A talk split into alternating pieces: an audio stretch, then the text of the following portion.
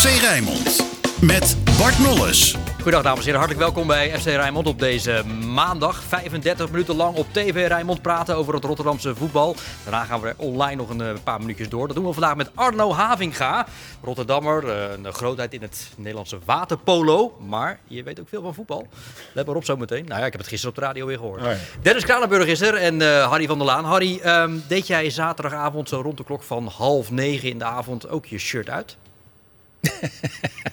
Ik vind hem eh, een leuke binnen, binnenkomen. Ja, nee, ja, ik, ik blijf me daar toch over verbazen. Dat spelers die eindelijk eens een keer een goal maken, helemaal krankzinnig worden.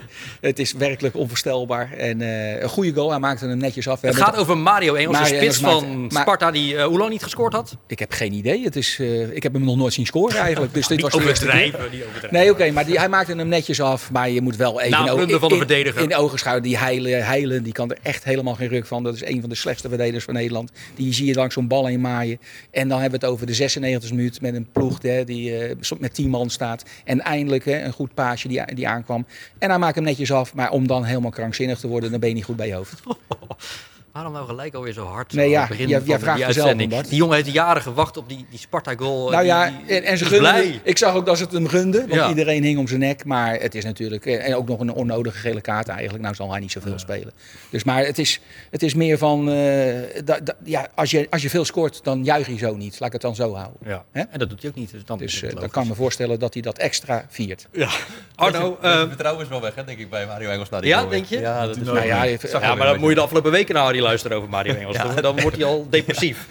Nee, Ja. maar we hebben het over een aanvaller die in anderhalf jaar tijd nu één goal heeft gemaakt. Hè, Daar, daar, gaat- daar komt het eigenlijk op neer. En Ja. dan, dan, dat kan ik niet serieus nemen. Oké, duidelijk. Arno, je bent voormalig waterpolo bondscoach. Hoe komt het dat je eh, naast veel verstand van waterpolo ook veel verstand van voetbal hebt? Ik pretendeer niet veel verstand van voetbal te hebben. Maar nee, ja, ik ben al jarenlang uh, Feyenoord supporter. En eh, eigenlijk van kinds af aan eh, naar de Kuip. Met mijn vader vroeger. En eh, veel ook wel meegereisd in het buitenland met Europa Cups. Dus dat is een beetje mijn connectie met het voetbal. En dan met name met Feyenoord. Wat is de mooiste trip die je gemaakt hebt met Feyenoord mee? Bremen uit. Bremen uit Bremen was, eh, uit. was een mooie. Dat was er Ja, één, Dat ja. was wel een bijzondere, ja. Maar kijk jij nu als coach naar voetballen of kan je gewoon als supporter eh, onbevangen naar een wedstrijd kijken? Nou, ik ben wel veel meer eh, supporter. Maar eh, ik, vind wel, ik vind het wel mooi om te kijken van nou, wat gebeurt er nou in het veld. Wat gebeurt er nou met name ook in de actie met de coach. Dat vind ik altijd wel interessant om te Ja. zien. En nou, dat is mooi. Gisteren ook de persconferentie bij gewoon. Nou, interessant om te kijken hoe Arne Slot dan reageert op, op de vragen en op de manier hoe hij zijn ploeg dan aanstuurt. Leer daarvan? Ja, ja, ik denk dat je altijd wel overal van leert. Dus dingen die hij, hoe hij ermee omgaat, hoe hij dingen benoemt. Maar eh, dat geldt voor iedere coach die, eh, die op die manier over zijn ploeg praat. Ja. Daar pak je altijd wel wat van mee. Ja. Ja. Heeft hij en heeft Feyenoord gisteren eh, eindelijk een serieuze test goed doorstaan? Eh, ja, dat denk ik wel. Alleen eh, met die rode kaart eh, vlak voor rust veranderde natuurlijk wel een hoop. Einde wedstrijd eigenlijk. hè? Ja, die wedstrijd was daar. Dat is het moment geweest dat die wedstrijd eigenlijk op slot ging. Ja. Die eerste goal en daarna die rode kaart. En dan is het wel voorbij. Hij had natuurlijk een, een plan met, met een, nieuw verdedigings- of een nieuw spelsysteem. En dat, nou ja, dat omgezet. En een paar minuten later is, het, is de hele wedstrijd anders. Het was ook zo dat, slordig die eerste helft. Ja, maar ja, dat, eh, dat komt misschien wel omdat ze op een manier speelden die ze eigenlijk niet gewend zijn. En eh, wij zeiden het gisteren in het stadion ook. Super slordig, de eerste half uur. Maar ja, als je niet helemaal vast eh, zit in die patronen en ook zelf een beetje als sporter en speler zoekende bent naar, eh, naar wat je nou moet doen, ja, dan wordt het vaak wel wat slordiger. Ja. Ja, ik wil het zo hebben hoor, over inderdaad dat gewijzigde systeem. eh, daar eens verder op inzoomen. Dennis, jij zat ook in het stadion, je hebt verslag gedaan van, van, van die wedstrijd. Wat is volgens jou de reden waarom Feyenoord niet in staat was om wat ruimer afstand te nemen van, van toch tien man van Twente? Ja, dat begon denk ik inderdaad al met dat begin inderdaad. Hè, met die gewijzigde opstelling waarin echt zaten te puzzelen van hoe gaan ze nou precies spelen. Nou, het bleek 5-3-2 dan te zijn. We vroegen het af, afloop ook aan eh, David Hansko en die zei ook van ja, ik stond aan de linkerkant als een soort wingback en moest echt uit zijn comfortzone. Ik denk dat dat ook te maken had met de backs van Twente, dat ze daar ook bang voor waren dat die heel erg dreigend zouden zijn. Ehm, en ik vond Twente in de beginfase ook gewoon wel beter. Ook omdat Feyenoord nu in een systeem speelde wat ze helemaal nog nooit hadden gespeeld. Nee. En Slot zei ook van ja, we hebben dit ook niet kunnen trainen omdat heel veel spelers pas laat aan zijn gesloten bij Feyenoord. Nou, je hebt nu ook heel weinig tijd om tussendoor nog te trainen. Want ja, het is gisteren spelen, het is dan nu weer toewerken naar donderdag. Ja, en hij zei als ik dan een keer iets moet proberen, dan moet het in deze wedstrijd. Nou, dat werkte dus niet. Uiteindelijk werd het dan Nee. omgezet. Maar je ziet ook bij Twente, en dat zie je ook terug bij AZ, die spelen veel vaker in een vaste formatie. En Ja. dan zie je toch veel meer de automatismes. Dat zag je terugkeren na een half uur. AZ speelt ook het beste voetbal van dit moment hè, op de, in, de, in de Nederlandse competitie. Maar wel bijna continu met eenzelfde Maar formatie. waarom zou en die spelen ook twee keer in de week hoor. Ja. Dus ik zie, het zie niet helemaal het probleem van die wedstrijden van twee keer in de week. En die Hansco, het maakt niet uit waar je hem zet, die is altijd in zijn comfortzone. Ja. Dat is een geweldenaar, echt waar. Ja, Ja, dat, is eigenlijk wel een probleem, Ja, ja, want hij is de beste linksback en hij is de beste Ja, ja, ja. En verdediger. eigenlijk vind ik hem aan die linkerkant nog, iets- nog meer brengen dan Vanwege zijn aanvallende nou, ja, impulsen, in het centrum blijft hij toch vaak een beetje Ja. eh, in zijn positie. En nu komt hij constant. Nou, het is een geweldenaar op die positie. Ja. Dat was wel zoeken, dat gaf hij ook aan inderdaad. Dat was vooral het zoeken dat hij nu ook ineens mee naar voren moest komen. Terwijl hij normaal inderdaad meer in zijn positie moest Tuurlijk. blijven spelen. Maar eh, ik, ik dacht even, die Lopez, dat ziet er hartstikke goed uit. Ja. En die is- nou, zakte toch een beetje door het ijs afgelopen donderdag. En, en, en die had echt een hele slechte wedstrijd. En ik begreep dan met reizen. En Harry, sorry, als je één slechte wedstrijd speelt, dan val je toch niet direct nee, door het nee, ijs? maar hij gaf misschien, eh, hij had die pijntjes of weet ik veel wat. En dat hij zegt van nou, eh, hij wil toch ook wel graag eigen aankopen eh, weer kansen geven. Zoals die Rasmussen die weer opnieuw heel, heel zwak eruit zag. En vooral op snelheid in de rug kan je daar geen eens mee spelen. hè. Als je pressie naar voren speelt. Nou was dat niet zo aan de orde dit keer, omdat de pressie totaal mislukte. Maar oké, dat die Rasmussen is echt een zwakke schakel dan in die Ik denk dat. Rasmussen blij was dat Czerny met rood van het veld Zo, werd gestuurd. Hè? nogal. Ja, dat denk ik ook. Ja, dat was een aantal keer overlopen en eh had hij veel moeite mee. Ja. Ja, het Die was omzetting heeft hem ook wel goed gedaan, denk ik. Hè? Dat hem dat ook Ja. wat Dat- beter voor hem toen het van 5-3-2 weer Ja. naar 4-3-3 ging. Dat was ergens halverwege de eerste helft. Mari, waarom kiest Slot voor deze tactische wijziging? Inderdaad, Dennis zegt het net, er was nog nooit zo gespeeld. Nou, ik begreep dat er misschien eh, uit, eh, Twente met eh, behoorlijk aanvallende back speelt. En dat hij op die manier dat dan probeerde op te vangen. Maar je kan ook wel eens als coach, en we zitten er eentje aan tafel, ook wel eens de boel eh, overanalyseren. Hè? Dus, en dat je dan te veel eh, eh, je- gaat aanpassen aan een tegenstander. En Feyenoord, vind ik, hoort zich, behalve misschien tegen Ajax en PSV, waar je enige, enige wijzigingen zou kunnen doorvoeren in, voor de, in de rest van de competitie, moet je altijd van je eigen krachten gaan. En wij bepalen hoe er gespeeld wordt. En wij willen pressie spelen, wij willen zo en dit en dat. En op die manier je gewoon eh, je, je superioriteit eigenlijk uitstralen. En dat, ik vond het een beetje een zwaktebod eigenlijk. Ja, nou ja, het woord chaos viel zelfs. Ja, nou ja, het was wat chaotisch. Maar aan de andere kant kun je ook bedenken, als hij een ander systeem wil trainen, wat hij in meerdere wedstrijden wil gaan gebruiken. En daar, eh, hij geeft aan, hè, heeft Arne Slot aan, dat hij dat in de training heeft hij nog geen mogelijkheid voor gehad. Hij wil het een keer proberen. Het is wel een beetje een tricky wedstrijd om dat nu tegen Twente te doen. Je kunt het ook prijzen dat het wel geprobeerd wordt. En eh, niet alleen om die wedstrijd eh, tegen Twente een goed resultaat te brengen, maar ook om iets te bouwen voor de rest van het seizoen. Maar hoe werkt dat in de sport in het algemeen, bijvoorbeeld met waterpolo? Ik bedoel, eh, wij, wij, ja, wij een beetje amateur, jij hebt, jij hebt op hoog niveau gevoetbald. Oh, maar, maar, zijn op, op hoog niveau Nee, nee. Nee, nee. Maar ik bedoel, Ja, ik heb, ik heb, ik heb is het nou echt zo ingewikkeld dan om ineens met een andere speelwijze aan een wedstrijd te beginnen? Het is toch allemaal geen rocket science? Nou of, of- je- onderschat ik het dan? Als je nooit getraind hebt, is het natuurlijk wel aanpassen. En eh, je kunt van dit soort spelers, het is natuurlijk allemaal eh, super professionals, bedoel kun je dat verwachten vak, dat ze zich daarop aan kunnen passen. Alleen ja, je, moet, je verschuift een paar pionnen en dat moet net weer even op elkaar aansluiten. Nou ja, het heeft 25 minuten, 30 minuten geduurd. Conclusie, het werkte niet. En we gaan weer terug. We gaan terug naar de tekentafel en we gaan misschien op de trainingen kijken of, dit, eh, of dit de juiste samenstelling is om het in te, te spelen. Dus ik kan me wel voorstellen dat er voor iedereen zoeken was. En nou ja, ik zei het net wel, die chaos die eh, leek te ontstaan. Ja, dat kan best wel komen dat iedereen wel zoekende was naar posities. Nou, je geeft het net al aan, die Jancho die, eh, die, die verder naar voren speelt dan normaal. Ja, ja het is allemaal eh, toch wennen, denk ik. Uh, Arne Slot ook nog maar eens even aan het woord over eh, de keuze voor deze tactische wijziging. Omdat we nog in een eh, zoektocht zijn hoe we dit elftal het beste complementair aan elkaar kunnen laten zijn. En, en, en de kwaliteiten van iedereen het beste uit kunnen laten komen. Helemaal de voor ons bepalende spelers. En we staan met een ontzettend aanvallend middenveld. Met Kosciu, Timber en Simanski. En je hebt het idee dat als je de drie achter die drie aanvallende middenvelders zet, dat die drie zich meer met aanvallen kunnen bemoeien, omdat het dan achter hun goed georganiseerd staat. Maar dat was niet in orde. Dus in de omschakeling zag je een aantal keer dat zij zeer uh, gevaarlijk werden. En het lukte ook minder dan dat ik gehoopt had om een tegenstander agressief onder druk te zetten. Dat was in het begin nog wel zo, maar naarmate het vorderde niet. Dus vandaar dat we er ook weer voor. Dat wisten we natuurlijk van tevoren met deze opstelling dat dat kon. Om het terug te zetten naar een 4-3. Waarbij nog steeds Quinten en Orkoen zich wat meer op het aanvallen konden richten. Ja, een ander argument voor deze wijziging was dat gaf slot vooraf aan, dat eh, er een aantal spelers bij Feyenoord is dat niet twee keer in de week een wedstrijd kan spelen. Hij zei alleen Rasmussen is daar toe in staat als het gaat om eh, de aankopen. dat is volgens Harry de zwakste. maar hoe kan dat, dat je zoveel spelers haalt Ja. en dat daar dus er nauwelijks één bij zit die dit programma van wekelijks Europees competitievoetbal aan kan? Ja, vind ik ook bijzonder eerlijk gezegd. Ik kan het natuurlijk voor een voetballer moeilijk bepalen hoe, eh, hoe dat is. Maar het lijkt mij dat je twee keer in de week makkelijk moet kunnen spelen. En daar kan Harry waarschijnlijk veel beter eh, antwoord op geven. Maar ook als je die spelers, die zijn niet gisteren binnengekomen. Die zijn al twee, drie maanden in Nederland. Die trainen al drie maanden Feyenoord mee. Je gaat de spelers ook fysiek voorbereiden om twee keer in de week een piekbelasting eh, te kunnen waarmaken. Dus ik verbaas me daar ook wel een beetje over. Nou gaf eh, Arne Slot ook wel aan dat er wat reisbewegingen zaten met het tijdsverschil, interlands die ertussen zaten. Dus ik kan me best voorstellen dat het op sommige momenten niet de ideale voorbereiding is geweest.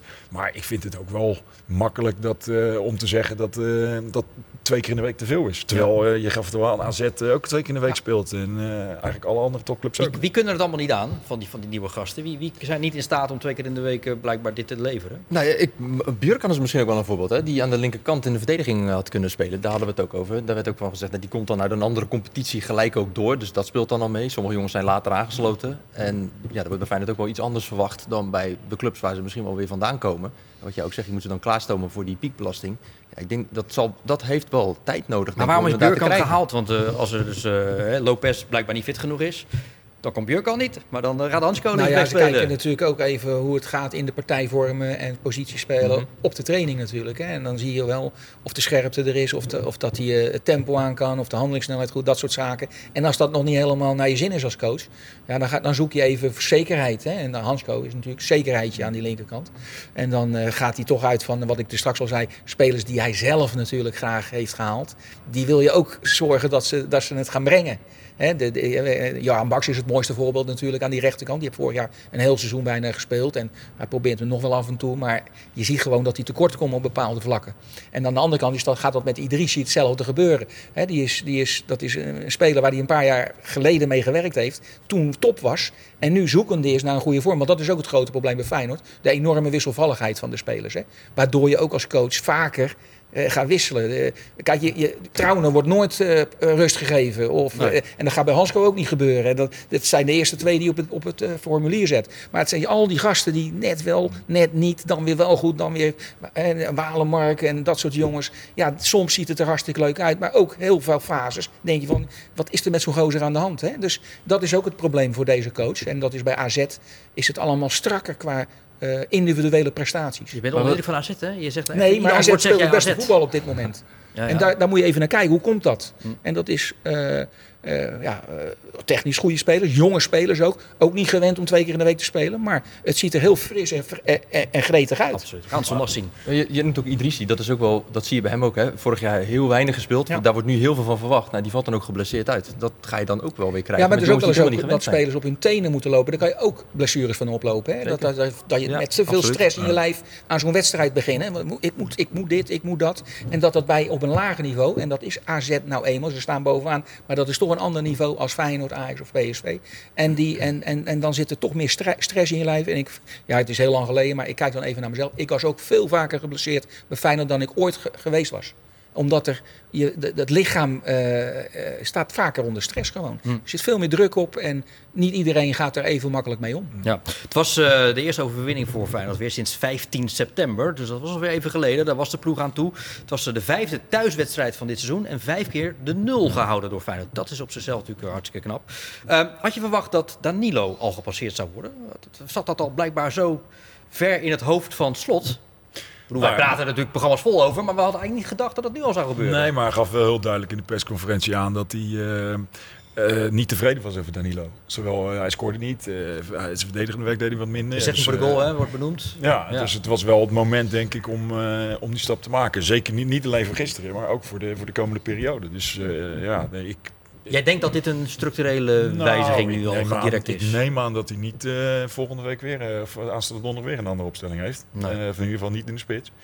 Ik zou hem nu het vertrouwen wel geven. En kijk, eh Jiménez heeft eh, eh, drie keer echt alleen voor de keeper gestaan. Daar moet uiteraard minimaal één bal Ja. van in. Ja. Maar hij staat er wel en hij zorgt wel dat die kans er is. En, dus ik denk wel dat je dat ook moet belonen. In, en je moet ook een beetje het structuur bouwen. Hè. Je moet ook vertrouwen geven. Je moet zorgen dat die ploeg elkaar begint te voelen. Dus als je nu weer zou gaan wisselen, dan denk ik dat dat onverstandig is. Maar kun je zeggen dat Jiménez een kans heeft gepakt? Nou, nee, want dan had hij er sowieso wel eentje moeten maken, vind ik. Eh, er waren, waren echt wel kansen hoor. Een paar keer eh één op één met de keeper, wat trouwens een geweldige keeper is, Ja. die uh, Oenestal van FC Hij ging Twente. één op één op de keeper bij eh Oenerstal, maar later bleek dat dat buitenspel was. Ja. Toen werd het direct doorgevoetbald en toen pakte Tjerni rood. Ja. Daar waren ze bij Twente natuurlijk not amused over. Nee, maar dat snap ik ook wel. Als hij hem erin schiet en dan, Dan wordt hij gaat, de vlag, afgefloten. gaat de vlag omhoog. Ja. En dan gaan ze kijken en dan, dan wordt hij uiteindelijk afgekeurd. Maar ik moet ook gewoon zeggen, die Cheney maakt natuurlijk gewoon een hele domme overtreding. Hè, om daar zo door te gaan op die rooster. Aanvallersovertreding, Ik vind, wel Ja. heel, in- ja, ik vind het wel allemaal licht eh, rode kaarten eigenlijk. Dat is wel een duidelijke toch? Ja, nee, maar... Kan zijn been breken, man. Ja, nee, maar het is een, hij schaaft hem meer dan dat het echt vol erin gezet wordt. Het is meer een schaaf naar beneden. En ja, nee, maar ja, ik, weet niet. Nee, nee, nee, nee, tuurlijk. Maar ik vind dat eh, een gele kaart. En, en, eh, ik joh, zag, Harry, dit was gewoon een rode kaart? Ja, nee, ik zeg ik nogmaals, eh, als je iemand echt zo in komt glijden. Had hem verstrekt. Hij Nee, nee, nee, maar hij, gaat, hij gaat er overheen. En dat waren vroeger gele kaarten. Dat wil ik er eigenlijk alleen maar zeggen. En datzelfde geldt in die wedstrijd tegen Sparta. Die twee eh dwaas achterin bij Emmen natuurlijk. Maar die ja, die maken op het middenveld twee eh, achterlijke overtredingen. Maar dat wordt dan heel, zwaar bestraft ook natuurlijk met rood. Er wordt veel makkelijker rood gegeven. Daarom, eh, ik geloof de helft van de wedstrijden heb je tegenwoordig eh, Ja. 10 tegen 11. Omwille van de veiligheid van de spelers. Jawel, maar dit, dit is niet een benenbreker wat hier gebeurde. Dit is een Had het kunnen zijn. Nee, als, dat is als je in komt glijden. Dan is het gevaarlijk. Maar hij komt nou van boven als het ware. En dan heb je een schram op je, op je scheenbeen of eh, aan de zijkant van je kuit. Ik heb dat wel duizend keren meegemaakt. Op de training zelfs gebeurde dat constant. Gebeurt het in het waterpolo ook, dit soort overtredingen? Nou, zo schoppen we niet. Nee? Nee, Nee, maar, de- maar ja, de- tuurlijk, er is ook heel veel fysiek contact. Dus er wordt Gemene geslagen, sport kan er het wordt zijn, hè? geschopt. Ja, dat is natuurlijk ook een beetje de mythe van de sport. Oh ja? Maar Valt het wel mee? is- dit gemeen valt mee, maar het is wel fysiek en zwaar. En er wordt geslagen wel en geschopt. En, eh, maar ja, goed, dat, dat gebeurt op het veld ook. Ja. Jij foefjes onder water? Foefjes, heel veel Ja? foefjes. Wat Ah, dan? vertel er eens dan? Ja, ik weet waar je bedoelt, denk ik. Jij- Maar dat is ongeschreven regel. Als ja. dat gebeurt, dan krijg je ketsverjaartjes. Maar eh, nee, maar ja, er zit wel, je, je hebt contact, je trekt iemand naar beneden, je trekt je knie omhoog. Dat zijn natuurlijk wel dingen die af en toe gebeuren. En ook bij ons is inmiddels eh, zijn er wat camerabeelden en er wordt eh, een soort VAR gebruikt. Dus dat wordt allemaal minder. En het is ook prima dat dat minder wordt. Dat is natuurlijk helemaal niet bij de sport. Het mooie van, Hans, of, sorry, van Jiménez was ook dat hij, hij, hij kan vaker, en dat liet hij gisteren ook weer zien, van onmogelijke ballen mogelijke ballen maken. Kans na een half uur dat je denkt van ja, het is eigenlijk onmogelijk om daar een fatsoenlijke doelpoging van te maken. Lukt hem ja, wel. bijna op de achterlijn die bal. Precies. eh, ja. Dat, Nou ja, daar straalt toch wel weer de kwaliteit ja, van af. Hij is een echte spits. Dat is echt een, een, een eigenlijk, ja, hij deed het dan niet, maar het is een afmaker. Hè? En die, voor, die, voor die laatste meters, hè? De, het steekpaasje, eh, de, de rebound, eh, dat soort zaken. Daarin, want als meevoetballer valt het me nog niet mee, hè? In, de, in de combinatie en zo. Maar het is wel iemand die, eh, ja, waar je van ook zeker kan zijn dat hij op tijd bij de eerste paal is en dat soort zaken. Maar ja, als je als je nog steeds niet met een, een, een vaste voorhoede speelt. Hè, we zitten nu op negen wedstrijden in de competitie. Ja, dan, dan blijft het een beetje zoeken naar de. We hebben het over hè, bezetting voor de goal. Van Persie, die, die zal daarmee bezig zijn met die gasten.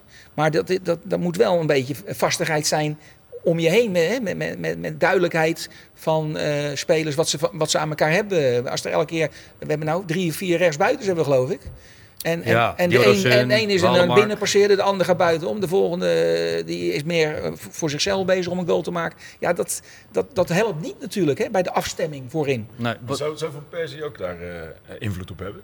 Wie er speelt, wie spits? Dat weet ik niet. Ik, ik, ik, ik lijkt mij wel dat je hem erin betrekt in ieder geval. eh, hè, dat, eh, ja, dat, dat lijkt me ook wel. Dat nou, jij bent spitsentrainer geweest. Ja, Werd maar dat met jou overlegd? bij mij werd er niet overlegd. Nee, lag dat aan jou? Nee, dat lag aan, de- aan, aan de ander. En het, heel onverstandig ook natuurlijk. Heel onverstandig. Nee, maar, ik, ja, nee, maar eh, dat- dat, omdat ze dan vinden, sommige trainers, als je maar één keer in de week of twee keer in de week met die spelers be- bezig bent, dan zeggen ze ja, dan krijg je niet helemaal een goed beeld van, van mij hoeft, hij hoeft maar, niet mee te- maar mij niet te vragen van wie zou ik opstellen.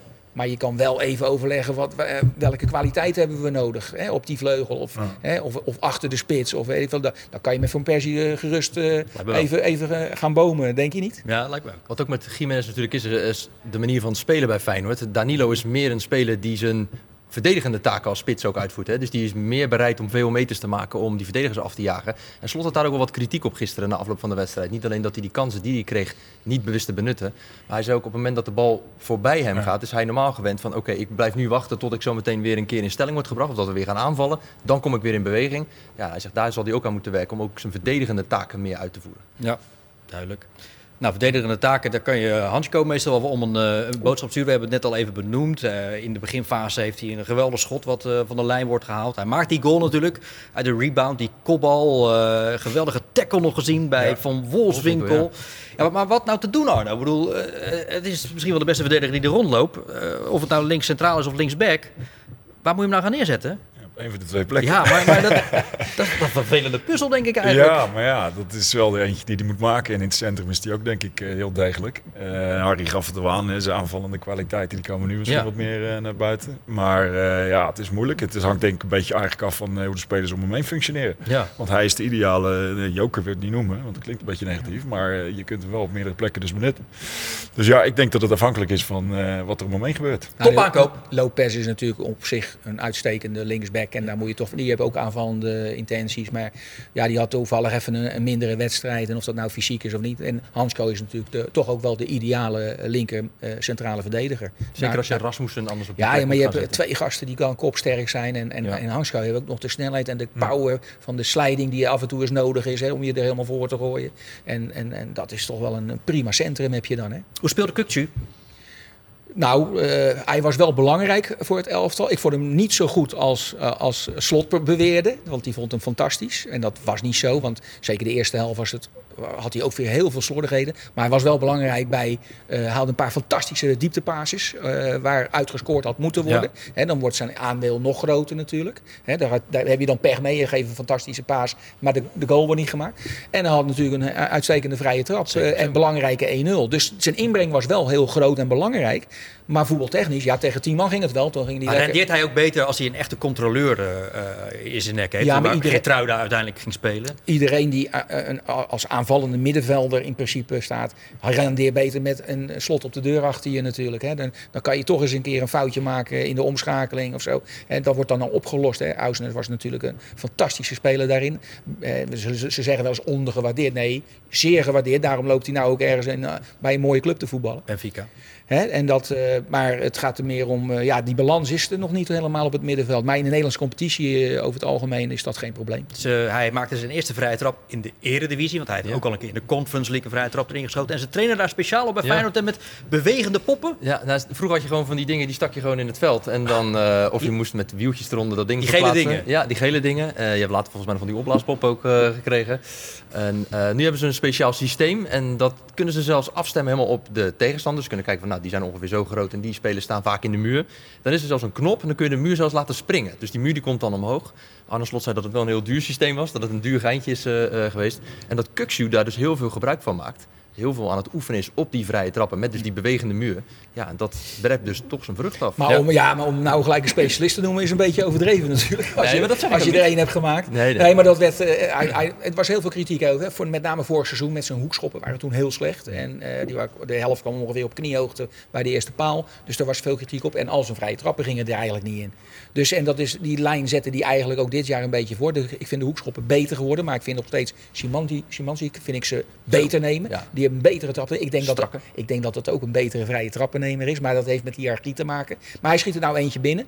En dan moet je maar, ach, maar een specialist, zoals Pierre van Hooyd, die schoot 1 op 4, 1 op 5 binnen of zo. Hè, kijk, dat is een, Nou. dat is een moyenne voor een, een, Ja. een, een topspecialist. Maar wat ik knap vond bij, bij die goal van Kukcu, bij die vrije trap. Er is eerst sprake van een persoonsverwisseling als het gaat om het gele kaart uitdelen van de scheidsrechter. Dus het duurt en het duurt en het duurt. Maar het haalt Kukcu niet uit zijn concentratie. En hij hangt hem even in de Hij, winkel hij aan. was lekker uitgerust juist.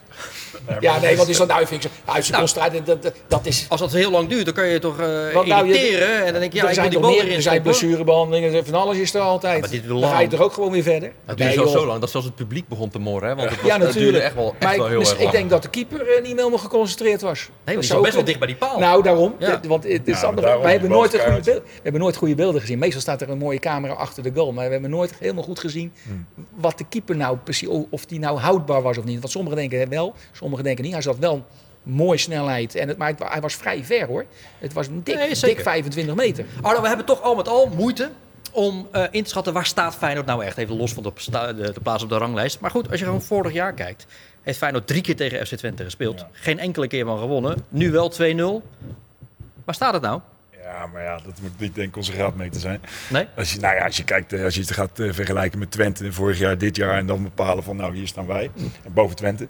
Maar ik denk dat hij het breder moet zien. Het is, eh, vorig jaar zat er redelijk wat continuïteit denk ik in het spel. Het is nu nog heel wisselvallig. Ik denk dat dat eruit moet. En dan, dat maakt het dus heel lastig te bepalen waar je staat.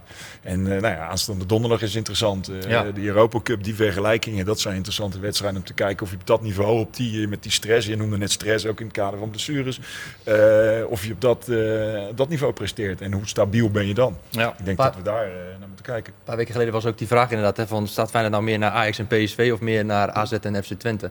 En ik denk dat dit niet dan de graadmeter was, omdat je ook langere tijd tegen 10 man speelt. Ik denk dat die graadmeter pas aanstaande zondag komt als je Ja. naar AZ uitgaat. Daar pas ga je zien waar Feyenoord op dit moment staat. Over die wedstrijd tegen AZ gaan we zo meteen in het online gedeelte nog langer doorpraten. Maar nu nog even kort over donderdag, Harry. Ja. FC Midtjylland. Hoe die ploeg eh, ook indachtig natuurlijk de heenwedstrijd van vorige week. Hoe die Ja. aan te pakken. Nou, het had wel heel erg geholpen als je die wedstrijd had gewonnen natuurlijk. Hè. Ik zat, hè, dat, die staat 2-0 voor. Natuurlijk, tegenstander is misschien wel iets beter en spelen thuis. En hebben dan natuurlijk eh, nog steeds eh, het publiek en alles eh, achter zich. Maar dat het 2-2 werd, viel mij toch een beetje tegen hoe, op een of andere manier. En als je die gewonnen had, dan had je het donderdag af kunnen maken. Hè. Dan was je bijna, nou vrijwel zeker, hè, van de overwintering. En Nu begin je uit de pool opnieuw. Ja, je, je bent Ja. er niets mee opgeschoten. En ik vind het toch eigenlijk een beetje een gevaarlijke uitgangspositie. Hè? Want nou moet je hem winnen. En dan had je hem zelfs nog gelijk kunnen spelen eh, donderdag. En dat is toch een hele andere, want het is toch een gevaarlijk ploegje. En, eh, Maar dat is dan wel weer een mooie test. ja, Dan nee, er zeker, zeker. Maar, stress op te maar, staan. maar, maar wij, we hebben, wij, ik zeg weer wij, we hebben geen vast Als het om. Feyenoord gaat, Arno heeft Harry het altijd over bij. Wij, Ja. Maar dan, het elftal staat nog niet bij Feyenoord. Dus het is constant afwachten. Je hebt, je hebt daardoor ook geen continuïteit in je, Ja, in je prestatie. En, en zeker individueel niet. En dat, dat is toch lastig. Je hebt echt bijna geen idee hoe de weerstand eh, van Midtjylland donderdag gaat worden. In een uitwedstrijd. Dat is toch totaal anders. Maar kunnen wel iets meer nog vanuit de tegenstander spelen. Misschien is dat wel veel gevaarlijker nog. Ja. Het heeft alleen het voordeel wel dat ze van die drie wedstrijden die er nog gespeeld gaan worden in de poolfase, de twee thuis spelen. Dat scheelt, hè? Ja, dat scheelt zeker. Ja, zeker. Lekker altijd die eh, magische nul avondjes. dus. Zeg je? Zeker een een nul dus. Ja, nou ja dat, dat gaat op- tot nu toe eh, prima. Goed, ehm, laten we dus nog even door over Feyenoord. Nu Sparta. Vierde overwinning van dit seizoen. Hoe zwaar bevochten was de overwinning op FCM? Nou, ik, ik vond het een waardeloze klote wedstrijd. Daar ben ik mee. Harry, waarom Het begin je was- altijd zo hard? Ja, nee joh, maar dat eerste uur was echt helemaal verschrikkelijk. Ik snap die intentie ook niet. Ligt dat, is dat de keuze van de coach of is dat misschien de keuze van eh, het centrale duo achterin, uh, Dio Ouassar en, en Vriends, dat die niet met veel ruimte in hun rug willen spelen. Hè. Zijn spelers zo'n beetje op leeftijd al. Die hebben dat liever niet. Hè. Die willen liever een beetje eh, veilig spelen over het algemeen. Maar de eerste uur was vreselijk. Was niet om aan te zien We hebben natuurlijk. het hier over de nummer 6 van de Ja, Eredivisie. ja, hè? ja, ja, nee, tuurlijk. Maar eh, ja, eh, in de oude puntentelling is gewoon een puntje gemiddeld ongeveer wat ze spelen. Oude puntentelling. Ja. Ja, dat is... eh, nee, nee, nee, maar het is niet. God, nou. ja, nee, een puntje, dat is gewoon een midden, een middenmoot. Maar dat, daar verwachten we Sparta toch ook gewoon in die middenmoot. Ik vind Ja, maar dat dan presteren ze nu toch boven ja, ja, gemiddeld? nee, nee, nee, maar nee, dat heeft te maken met dat een aantal clubs niet presteren onder hun. eh, dat.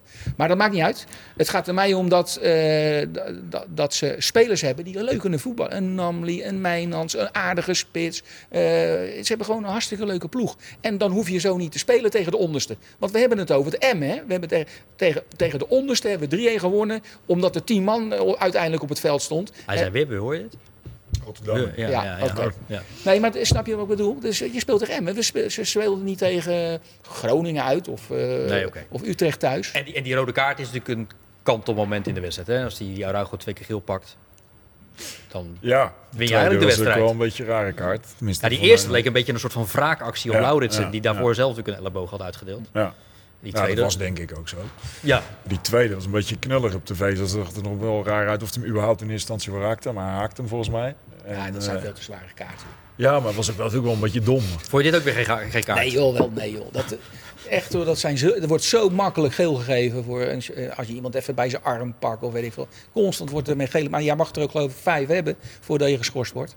Maar het- het is, daardoor ontstaan er wel heel vaak wedstrijden van 10 tegen 11 waar ik niet graag naar zit te kijken. Want je krijgt van zo'n eenzijdig beeld en dat ging nog bijna fout ook trouwens. Hè, bij, want ze maken nog 2-2 Nee. zelfs, die jokers. Ja, maar die Dus, werd eh, afgekeurd. Jokers. Die jokers uit Emmen. Hoe komt het dat Vito van Krooi zo rendeert?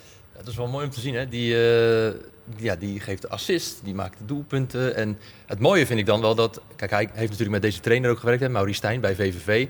En op een of andere manier is er toch een bepaald vertrouwen dat hij krijgt. En in thuiswedstrijden, want in thuiswedstrijden, acht wedstrijden, acht goals... eh, Niet te geloven, als een lopende band. ja, dat is niet normaal. Maar dan zie je ook, dat gaf hij ook aan na afloop, dat dat vertrouwen wat hij dus voelt ook van de mensen op de tribune, ja, dat het uiteindelijk zich ook gaat vertalen naar prestaties op het veld. Ik vind Ja. dat wel echt heel knap. Sympathieke mannetje hoor, die eh, Vito van Krooi. Dat zeg ik een beetje denigrerend, zo bedoel ik het eigenlijk helemaal niet. Maar eh, hij gaat als een trein als het gaat om eh, thuiswedstrijden voor Sparta. Ja, ik zag toevallig net, eh, net voorbij komen dat ik eh, de laatste acht thuiswedstrijden sowieso acht goals had gemaakt. En eh, ja, ik denk, ik denk dat het geen toeval is dat het allemaal in, in, in, in, in, in, thuiswedstrijden gebeurt. Omdat ik, ja, ik voel me hier goed en ja, dat uitzicht natuurlijk in, in rendement en goals en assists. Ja. Ja, nou goed, ik heb hem natuurlijk. ik probeer hem eigenlijk in zijn kracht te laten spelen zoals hij onder mij bij VVV ook speelde. Dan van links, dan van rechts.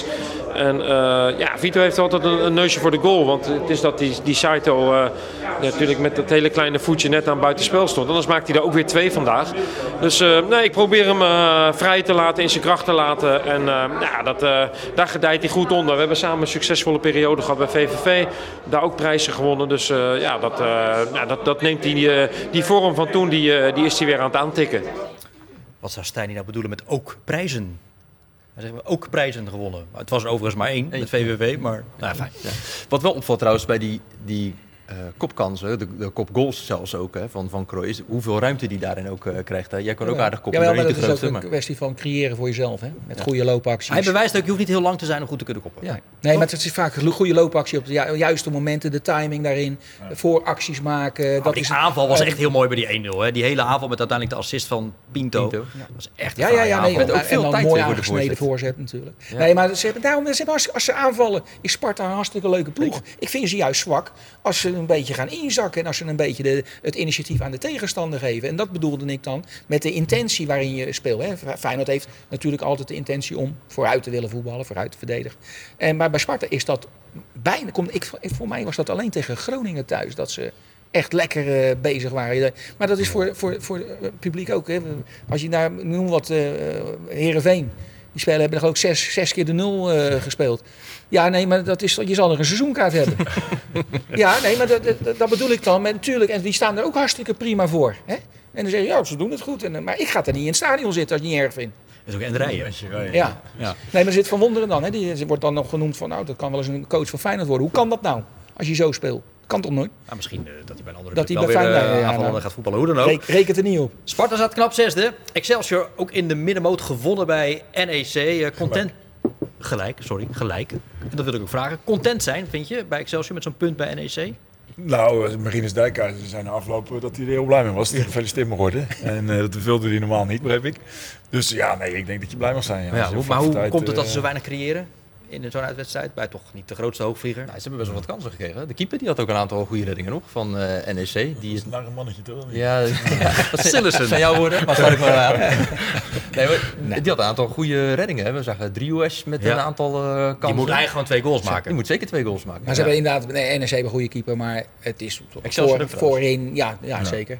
Maar voorin ja, kom je gewoon tekort op dit moment. Want hij heeft het aardig staan nu verdedigend. Hè, want dat was in het begin even veel te Vind je dat? Vind je Simon eh rijp voor Ja, nee, nee, Die jongen is, die is aan, het- aan het leren, noemen we dat. Hè? Die is, die, als, je, als, die, als ze zo door kunnen gaan, denk ik dat, je dat, een, dat dat een hele goede verdediger kan worden. Maar die heeft nog veel te leren. Bloedjong. Maar hij heeft wel alles mee eigenlijk. Hij heeft een goede fysiek, hij is lang. Hij, ja, dus een aardige speler wel. En ik vond eh Jacobi eh, v- vond ik ook groeien in de wedstrijd. Hè? Daar heb ik ook nog wel eens wat kritiek op in verdedigend opzicht. Maar aan de bal is hij zeker goed. En ik vond hem ook een paar keer goed ingrijpen nu. En dat, eh, ja, dat staat best wel aardig. Dus dat, dat, dat is beter geworden hè, Hm. ten opzichte van de eerste wedstrijden. Maar in aanvallend opzicht heb je toch te weinig scorend vermogen. Nou ja, En- en uiteindelijk viel die wel door, eh, ja, ik eh, ga je even onderbreken. Ja. Door eh, Lazarus Lamproe. Hij was het goudheintje, maakte de 1-1 voor Excelsior bij NEC. Mooi goal. Ja, echt een hele goede goal. Eh, natuurlijk wel ook gehaald om dit soort dingen, omdat we weten het is een beetje een creatieve artiest, zeg maar. Eh, laat binnenkomen, matig fit toen hij binnenkwam, dus best wel lang om te trainen. Ja, vandaag vond ik het moment om hem in de rust te brengen. Ja, niet dat hij top speelde, maar dit zijn wel momenten voor hem. eh, met, zijn, eh, met zijn skills vooral, gewoon de, de techniek aan de bal. Ja, dat hij dit soort dingen kan. Dus dat is, eh, ja, dat is mooi voor hem en voor de ploeg. Het is gewoon een heel lekker puntje, Marinus. Ja, ik, ik ben het helemaal met je eens. Ik ben niet zo vaak. vaak word ik heel geïrriteerd als mensen me feliciteren met een punt, maar deze keer niet.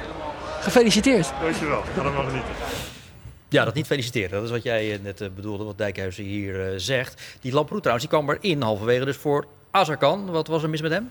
Ja, hij heeft geen goede trainingsweek achter de rug. Gaf Dijkhuizen de afloop ook aan. Maakt ook geen lekkere indruk. En is onlangs natuurlijk ook nog teruggekeerd van een blessure. Dus dat alles bij elkaar opgeteld. Dan Ja. is, is daar wel iets voor te zeggen. Ja, hoe lang zal Ayoub eruit liggen? Want dat zag er niet best Nou, in ieder geval eh, tot, tot met het WK. Dat, eh, die scheurt echt in een sprint af. Je Ja. kan ook wel eens dat het er een beetje in sluipt, hè, een, een verrekking. Maar dit is echt een afscheuren, denk ik. Mm. Maar dat is pijnlijk, hè? want hij eh, is echt aan het ontpoppen als een van de betere van Excelsior. En dan ben je hem gewoon eh, tot aan de winststop kwijt. Ja, Nou, dit gezicht zegt denk ik genoeg.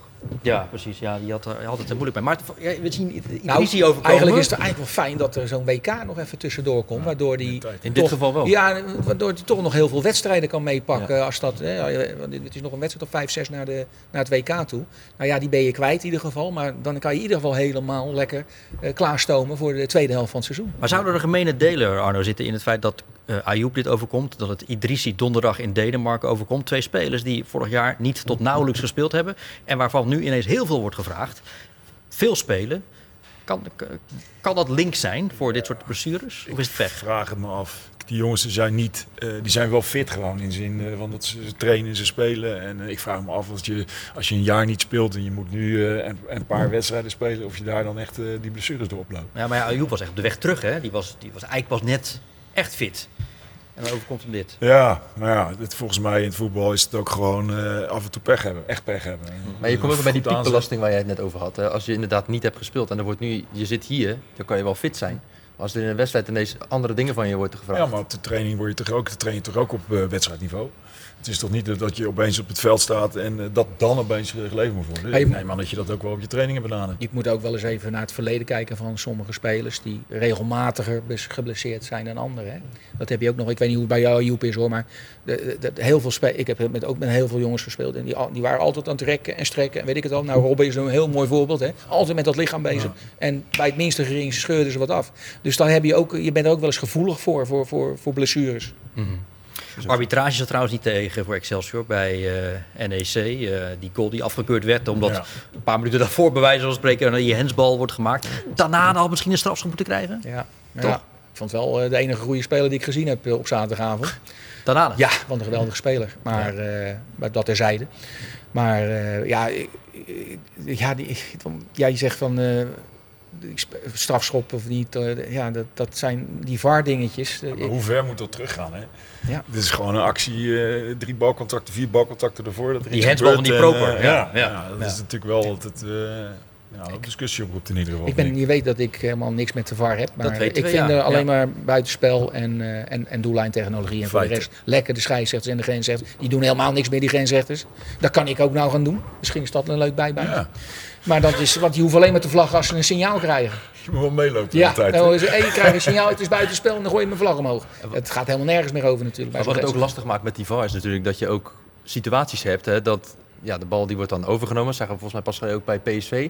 Dan wordt er een bal overgenomen en dan ontstaat er dus een nieuwe situatie. Ja. Terwijl ja, die jongen neemt één keer de bal aan, is hem daarna kwijt, levert een doelpunt op. En uiteindelijk, ja, de Bij PSV Feyenoord was PSV dat volgens Feyenoord, mij. ja, ja. En dan zeggen ze ook van waarom wordt er niet naar gekeken? Ja, het is een nieuwe situatie. Ja. Ja. je hebt twee balcontacten, je bent hem kwijt en je staat gewoon achter. En zelfs, zelfs dat buitenspel is nog wel eens een probleem. Want we hadden het over eh, een, een teen soms. Hè. En, en voor mij is dat als een bal, wanneer verlaat nou precies die bal de voet? Hè? Dat is bijna niet eh, te Het hangt op de frame nauwkeurig Ja. of het wel of geen buitenspel bijvoorbeeld is ook. Ja, volgens mij is het bijna niet te zien wanneer de bal precies je voet la- ver- eh, ver- verlaat. Want een bal gaat op- Micheland, hè, zeggen we dat. Ja, maar de bal moet. Het, het, je gaat nog een beetje in. Je deukt nog in hè, als je tegen een bal trapt. En dan krijgt hij een soort trampoline-effect. Maar wanneer laat hij precies los van de schoen? Dan zeg je van ja, maar dat, dat is helemaal niet zo. Dat is, dat is volgens mij bijna niet te monitoren. Dus dat, is, dat zijn honderdste of misschien wel duizendste van seconden. Ja. Dus we hadden het over wel of niet de strafschop bij eh, NEC Excelsior. Had Trauner bij Van Wolfswinkel ook niet bestraft moeten worden voor een strafschop? Nou ja, ik Met een zeggen, strafschop. ik heb het een aantal keer terug zitten kijken. En ehm, je ziet het vanuit de beelden die ik in ieder geval gezien heb, kan je het ook niet zo goed zien. Het lijkt of iemand aan zijn schouder trekt, maar aan de andere kant moet je afvragen of dat ook echt gebeurt.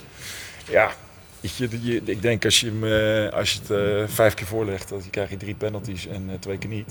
En eh, een VAR grijpt ook niet in. Dan zou je Nee, kunnen zeggen, nou, maar ja, werd twee dan, keer eigenlijk een beetje. Hij penalty. werd eerst aan de binnenkant Ja. werd hij even gemaakt. Ja. En daarna weer aan de buitenkant. Ja, wat maar heel dat was heel moeilijk moeilijk te zien was. zien. Was, ja. En hij wordt uit balans gebracht. Op het moment dat hij wil schieten, kan hij Maar omdat hij schiet en Ja, op zijn nee, benen blijft ja, staan, ja. krijgt hij waarschijnlijk die Nee, strafschop niet. maar, Maar- dan zelfs nog met een VAR hou je die discussie. Dus Ja. dan heb ik dus niks aan een VAR. Dat bedoelde ik eigenlijk altijd te zeggen. Harry heeft niks aan de war. Ik vind het vreselijk. Wij hebben niks aan de Nee. Oh ja. De koning en Harry van der Laan praten altijd in de bijvorm. Toch? En we hadden het in het begin van deze uitzending over eh, ja, de eerste serieuze test. eh, die Feyenoord dan min of meer tegen Twente wel goed heeft doorstaan. Maar hoe groot wordt die test komende zondag? Tegen AZ. Ja, dat In Alkmaar. Ja, dat wordt, eh, wordt een grote test. Nou ja, jij zei het volgens mij net ook, hè, dat je daar, eh, daar moet je nu mee meten. De koploper, eh is een goed spelend team. Wat nou, maakt ze zo goed? Ja, dat is een goede vraag. Dat kan ik je niet... eh, ja, je noemde Nou het, ja, een hele jonge nou ja, ploeg. dus kwaliteit zit er gewoon. Voetbal, vo- heel veel voetballend vermogen. En jong en, Ja. en fris en gretig. Dus Ja, ook en dan is Pavlidis nog geblesseerd. Ja, en, en nee, die Carlson is eigenlijk nog op de weg terug. Vooral dat, dat, dat, dat ongeremde van jonge, ge- gretige spelers, dat helpt ook hè, in, je, in je hele entourage. Ik keek gisteren de, de, de leeftijden van Feyenoord door. Maar eigenlijk is alleen Johan Baks, Trauner en eh Marciano. Die zijn wel op de leeftijd. De rest zit ook allemaal rond de 2, 3, 24, 18. In Feyenoord hebben we ook echt een jonge selectie. Ja. Dat vind ik ook wel opvallend hoor. Dat, eh, want we, zitten wel, we hebben het over, nou, er is geen structuur, het is een beetje chaotisch. Maar ja, het zijn ook allemaal best jonge spelers nog. Die, eh, die ook nog ervaring moeten opbouwen, eh, autoriteit moeten krijgen. Zelfs met, met Kukswilke, daar verwachten we Ja. heel veel van. Dat is natuurlijk Ja, de aanvoerder van Feyenoord. Aanvoerder, ja, Dat precies. is ook Maar dat is ook 21. moeilijk. Ja. Die staat ook opeens voor zo'n groep. En die, eh, nou ja, Ja, ja, maar- Hij hoeft, ja, hij eh, natuurlijk geen aanvoerder te zijn. Dat, dat doet de coach dan om hem nog meer verantwoordelijkheid te geven. Of hem in zijn, in zijn ontwikkeling Mm. misschien te helpen. Maar ja, ik, dan kraak ik even terug naar de wedstrijd tegen Midtjylland. Hij stapt wel uit als aanvoerder. Terwijl hij eigenlijk door had kunnen spelen. Hij had een pijntje of een vermoeidheid of weet ik veel wat. hij Maar heeft dat- last van zijn lies. Hij werd gisteren natuurlijk ook alweer... eh, weet ik wel, maar als jij uit moet stappen in een voetbalwedstrijd, kan je niet drie dagen laten voetballen. Dat bedoel ik er eigenlijk mee te zeggen. Ook wel een aardige schop, hè? Jawel, dat, dat, dat is niks. Dat is gewoon een Geel. schop van voor. Volgens Harry is dat is echt niks. Dat, dat, zijn, dat zijn de lekkerste schoppen. Nee, de gevaar zijn, dat de va- gevaar zijn als ze van de zijkant eh, op je Achillespezen glijden. Dat zijn gevaarlijk. Maar dat als ze gewoon vol tegen je aanschoppen, is niks aan de hand. Dat kan je allemaal hebben. Nee, nee, serieus. Maar het gaat erom Dat eh, dat, dat hij als aanvoerder ook natuurlijk dan een bepaald karakter moet tonen. Van ja, deze wedstrijd moet even over de streep getrokken worden. Hè. En daar, dat bedoel ik eigenlijk meer. Ik heb met heel veel aanvoerders gespeeld. Nou, die stapten niet uit bij pijntjes of vermoeidheid. moesten van alles door willen gaan. Ja, ja, die maken dan. Want Ja, die wedstrijd was eigenlijk belangrijker als die wedstrijd tegen Twente. Ja. Want als je die had gewonnen, dan ben je bijna zeker van. Nou, maar dit is ook groei in autoriteit. Ja, dit soort maar- ervaring moet hij ook opdoen. Hij moet, Ja. Het feit dat jij het nu zegt, misschien op zijn trainer dat ook tegen hem zegt, dat moet hij wel leren. nee, die eh, trainer zei dat hij eh, fantastisch was. Ja, voor de camera Ja. ik dat. Nee. Maar ik begrijp wat je bedoelt. Ja. Goed, nou ja, ja, heel benieuwd eigenlijk wel naar zondag. ja. Wel leuk, eh, dat, leuk. zijn die leuke potten waar je allemaal naar uitkijkt absoluut. natuurlijk. Hè. En vooral, eh, omdat het ook twee zeer aanvallende speelstijlen zijn tegenover elkaar. Dat kan alleen maar vuurwerk eh, worden. En 11 ook weer, hè? Want 11 spelers. Je ziet bij Twente ook gewoon dat het daar wel in elkaar zakt op het moment dat ze met 10 verder gaan. Ja, ik ben wel benieuwd hoe ze het tegen AZ gaan doen als dat 11 tegen 11 Ik, blijft ho- ook. ik hoop alleen dat de coaches niet eh, een beetje, ja, hoe noem je dat? Zekerheid. Behouden. Ja, dan nou dat ze iets meer behou- be- eh, behoudenheid in, inbouwen en dat ze een beetje angstig voor elkaar zijn. Hè? Dat kan je ook hebben in dat soort wedstrijden. Mhm. En daar hoop ik niet, want ze hebben allebei normaal gesproken zeer aanvallende intenties. Ja. Ja, precies. Nou ja, een beetje, beetje verse intentie verwacht je altijd ook wel van wisselspelers. Maar dat wil bij Feyenoord op een of andere manier nog niet echt lukken. Hè? We zien gisteren Walemark en Pashao invallen. Ja. Wat, wat brengen die op dit moment aan het elftal? Te weinig. Ja, Pashao eh, viel heel slecht in. En Palemark wel veel dreiging. En die heeft dan nog wel die leuke eh, passeerbeweging naar binnen met een gemeen voorzetje. Maar... eh, kwam er bijna niet voorbij ook, hè? Nee, nee, hij ging zeker als hij buitenom ging. Ja, hè, werd hij elke vier keer Nee. werd hij, liep hij zich vast buitenom. Maar binnendoor is die, dat is dan, daar ligt ook meer zijn kwaliteit dan binnendoor. Maar, maar da- daar zit ik ook nog steeds op te wachten van ja, wanneer gaat hij nou echt doorbreken? hè? Hij loopt er nou een maand of tien rond. hoe lang? Anderhalf? Anderhalf seizoen, Nee, bijna. Dan, dan, dan moet je toch uiteindelijk wel een, een keer wat gaan brengen. Want Hm. we hadden Sinisterra is wel eens gevallen, hè, dat hij ook in het begin er niet stond. Hè. Dan moest en dan nog een zware blessure. Maar toen hij eenmaal, eh, ja, eh, Maar toen bleef hij ook was- staan, hè? Toen kreeg hij ook ja, vertrouwen ja, en toen kon hij zich was hij de beste man van het veld natuurlijk regelmatig. Dus dat helpt. Maar da- dat heb ik bij al die buitenspelers een beetje op dit moment. En dat, daar ligt ook een beetje het probleem natuurlijk om wedstrijden makkelijker te winnen. Hè, als, als die buitenspelers lekker op de reeks zijn, dan kom, krijg, krijgen de aanval, de nummer 10 en de nummer 9 krijgen heel veel aanvoer. En dat is nu vaak in een kleine ruimte moeizaam naar binnen passeren. En dan hè, onder druk vaak eh, moet je dan nog proberen je kansen te creëren. Maar als een buitenspeler zijn man passeert, ja, dan gaan de ruimtes ontstaan. Ja. En dat, eh, daar zit je eigenlijk een beetje op te wachten. Wat het ook lastiger maakt, denk ik. En dat zie je denk ik ook in die tweede helft heel goed. Feyenoord is heel met nou, alleen Bijlo na. Op Bijlo na. Met alle spelers op de helft van FC Twente. Daar staan alle spelers van Twente. En dan blijf je maar spelen. Het is uiteindelijk een trechte. En daar kom je gewoon bijna niet doorheen. Nee, nee oké, maar daar hebben we wel mee te maken. Eh, Ik noemde er straks eh, nog even Herenveen. Die, die staan met een bus geparkeerd. Hè. En daar moet je dan doorheen zien te voetballen. Ja, en zeker. dat is, dat is het moeilijkste wat er is. Want dan moet alles kloppen. Hè. De beweging Tempo moet goed zijn, balsnelheid, het, maar ook de technische. Eh, het over Jiménez, hè, dat hij wel eens wat problemen heeft in het meevoetballen. Hè, dat had je vorig jaar trouwens ook hè, met, eh, die- hoe heet die? eh, Dessers. Dessers die nou zijn eerste goal eh, gemaakt heeft in Italië. En, eh, en dan was het ook voetballend niet altijd even geweldig. Maar ja, oké, hij maakt dan wel zijn doelpunten. Zo, en dat is, dat, dat is heel moeilijk als dan eh, een, tegen een zeer verdedigend eh, elftal. Het, het gaat wel als je eenmaal je goal gemaakt hebt. Hè? En dat ze iets meer uit hun schulp moeten komen. En dan zie je het vaak dat het wel lukt. Maar die eerste goal is zo vreselijk belangrijk. En liefst maar zo snel mogelijk. Hè? Ja, nou we gaan dat zien eh, zondag. Harry, je bent zo ongelooflijk aan het praten. Maar je hebt het nog niet gehad over het mooiste voetbalmoment in eh, de Rotterdamse eredivisie van het afgelopen weekend. Het mooiste voetbalmoment. Ja, het is het waarschijnlijk iedereen ontgaan, maar ik vond het fantastisch. Oh, de, de trouwerij zeker. Nee, nee, Oh. 78e minuut. Ik moest even opzoeken. 78e minuut bij eh, Sparta tegen Emmen. Bart Vriends, vlak voordat hij die goal maakt, geeft hij een paas. Kijk, laten we. ja. Met zijn schouder. Ja, ja. Hebben we het niet gezien? Nee, die heb ik gemist. Was geweldig. En kwam nog aan ook. Nou, wou ik even benoemd hebben. Was wel maar je reageert niet zo leuk, dus ja. Ja, ja, nee, nee. ja, ik, ik, ja, Maar- hij dacht- hij dacht het. Ik denk, nou, huwelijksaanzoek. het huwelijksaanzoek, Ja, ik heb er dat van alle kanten. Die heb ik even gemist dan. Dus hij maakte hens, bedoel je? Nee, Nee. nee, was echt goed. Was goed ik dacht het, ik denk nou het zal wel niet, maar nou het zegt, ik denk ja dat klopt. Ik. Topactie van Vriends. Ja, Ja, Bart's handje is snel gevuld, hoor ik al. maar ja, dat zijn de, de pareltjes in zo'n weekend waar je dan toch even van eh, geniet. Nou, waarom?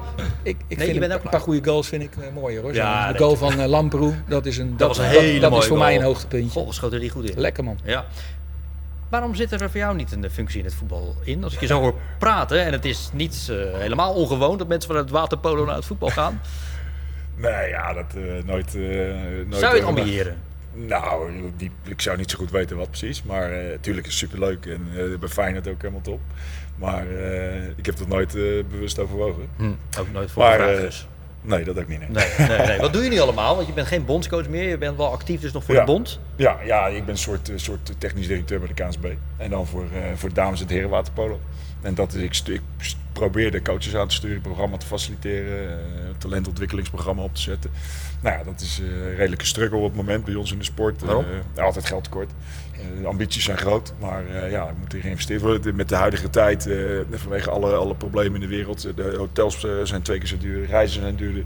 Maar de budgetten blijven hetzelfde. Dus we moeten echt keuzes maken. En dat, nou ja, dat is als je wil groeien, als je de volgende stap wil zetten, meer wil doen. Ja, is dat wel lastig als je dan daarin geremd wordt. Wat is de voornaamste ambitie? Nou, we willen eigenlijk met zowel het heren- en damesteam naar Olympische Spelen. En het liefst in 2024. Parijs. En eh, Parijs inderdaad. Daar willen we met de dames, en dat is een reëel beeld denk ik, een medaille winnen. En de heren eh, daar komen wordt heel lastig, maar er zit wel een hele goede generatie achter. Onze onder de 18 groep is afgelopen zomer vierde op de WK geworden. Nou, daar zitten een aantal jongens in die, eh, die de stap nu moeten gaan maken naar, naar het seniorenniveau. En in 2028 in Los Angeles, de Olympische Spelen. Ja, daar willen we met de man ook meedoen. Ja, want hoe professioneel is het in Nederland georganiseerd? Hè? Op, op clubniveau kunnen, ja, kunnen er niet van leven, denk ik. Nee. Spelers en coaches. Ja. Nee, bij de clubs wordt wel wat aan vergoedingen gedaan, maar echt vergoedingen. Eh, we hebben 14 jongens die bij eh, de A-selectie spelen. Die hebben een eh, stipendium van NSNSF, hebben een maatwerkstatus, zeg maar. En eh, ja, dat betekent dat ze een inkomen hebben, dat ze kunnen spelen en kunnen trainen en daar hun leven op inrichten. En we hebben een deel in het buitenland zitten. Nou, die hebben daar wel inkomen, ook geen enorme bedragen, maar voldoende om van te leven. Ja, en zo is het aan de mannenkant georganiseerd. Bij de dames zit een iets grotere groep in het buitenland. Die, eh, die zit ook wel bij wel echt een aantal topclubs. Eh, en ook daar, de groep die in Nederland traint, heeft ook een A-status. En eh, die kan op die manier gewoon professioneel de sport doen. En uh, programma's zijn dagelijks. Het is het enige grote verschil, nee, het grote verschil met het buitenland. Hm. Waar ze bij de club zitten, daar voelt een programma draaien. En bij ons draaien ze dat bij ons in het Ja. nationaal programma. Ja. En dat is de manier hoe wij het georganiseerd hebben op het moment. En het feit dat je dat nu allemaal ja, een beetje op afstand, nou ja, niet op afstand, maar in ieder geval niet meer met je, op je slippers langs het bad staat. Is dat een tijdelijke stap of ben jij definitief coach af? Nou ja, zeg nooit nooit natuurlijk. Maar eh, het is een hele bewuste keuze geweest. En ik merk wel dat ik wel eh, content ben met die keuze. Ja. Het is Beste niet dat ik ter wereld geweest, hè, dit? Nee, Ja. ik, weet, ik weet wie we aan tafel Ja, hebben. ik noem- maar even. Is er niet eh, interesse vanuit een buitenland? Nou, eh, wij, willen, wij Nou, zijn ambitieus. niet- we- hè, dat is, Niet nu, eh, nee. Een nationaal team. Nee, één keer Australië, een keer contact geweest. En iets, iets, er ging iets met Italië gerucht, maar dat was echt gerucht. Ze in eh, Qatar aan waterpolo?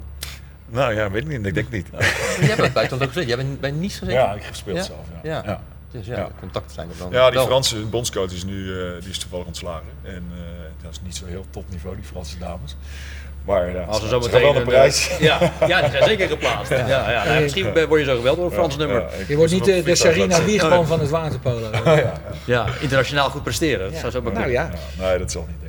Goed, nou leuk dat je hier was. En eh, ook je, je, je, visie en je gedachten over het voetbal. Het is eh, leuk om naar te luisteren. Ja, dus, eh, dat doen we nog eens over. Dankjewel. Wat leuk te doen. Arno Havinga, Dennis Kranenburg en eh, Harry van der Laan jou zien. eh, en spreken we ongetwijfeld eh, binnenkort ook wel weer op de radio. Tot zover eh, FC Rijnmond op deze maandag. Veel meer sport natuurlijk eh, deze week. Komende woensdag weer de Sparta-podcast is te zien en te beluisteren. Donderdag alles op de radio en online natuurlijk over de Europa League-wedstrijd van Feyenoord tegen FC Midtjylland. En vrijdag gaan we er dan hier weer over praten in FC Rijnmond. Mede namens de mannen hier aan tafel, bedankt voor het kijken dan wel luisteren. En een goede week.